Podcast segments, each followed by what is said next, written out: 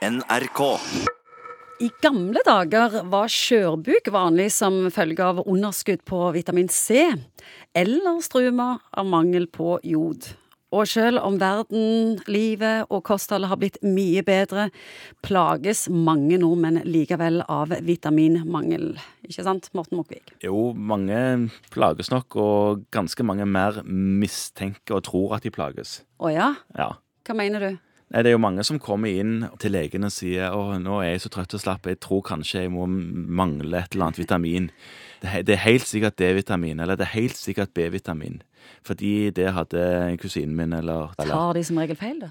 Mange ganger tar de feil, og hvis de mistenker f.eks. D-vitamin, så tenker jo jeg ofte hvorfor tar du ikke bare D-vitamin, da?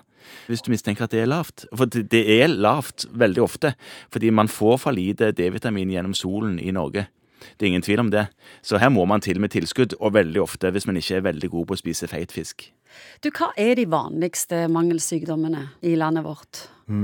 Det er nok B og D som er de eh, vanligste av vitaminene som man mangler, ja. Jod har vi lest om de siste. Jod, ja. Eh, jod blandes i enkelte eh, salttyper, eh, fordi det enkelte plasser i landet er mangel på jod. Men spiser en variert og godt, så får en i seg nok jod. Jern er det en del som mangler, ikke kanskje fordi at de spiser eller får i seg for lite jern, men fordi at kvinner for eksempel, som er menstruerende en del av livet, de mister en del jern gjennom menstruasjonsblod, og de må noen ganger ha tilførsel av jern. Hvordan merker en om en mangler de ulike vitaminene? Å ja. Hvor lang Altså, tid har vi på det her? Men altså, stort sett, sånn generelt sett. Altså, mangelsykdommer får en stort sett ikke i Norge dersom en spiser vanlig kosthold og variert, og kanskje i tillegg må ta tran eller D-vitamintilskudd. Da klarer en seg stort sett. Men så er det en del som har tarmsykdommer, som gjør at man får malabsorpsjon, altså at tarmen fungerer dårlig, og man klarer ikke å ta opp det man skal både inflammatoriske tarmsykdommer og cøliaki f.eks., som er en tarmsykdom som gjør at man får problemer med eh, tarmopptaket. Da kan man plutselig begynne å mangle ting, f.eks. B-vitamin. Det er mange B-vitaminer, åtte eller noe sånt, forskjellige B-vitaminer.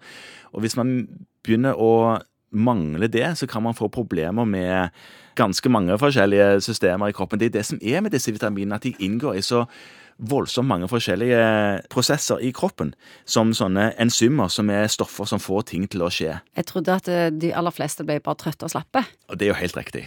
De fleste blir trøtte og slappe, men en del sånne konkrete symptomer er det jo. For eksempel, du nevnte jod. Sant? De kan få problemer med, med struma. Altså at de får problemer med skjoldbruskkjertelen, som er den kjertelen som ligger på halsen, som bruker jod i produksjonen av si, sitt produkt. Og så hørte vi nettopp i, for ikke så lenge siden i nyheten om at eh, hvis du har eh, for lite jod, så er du mindre fertil.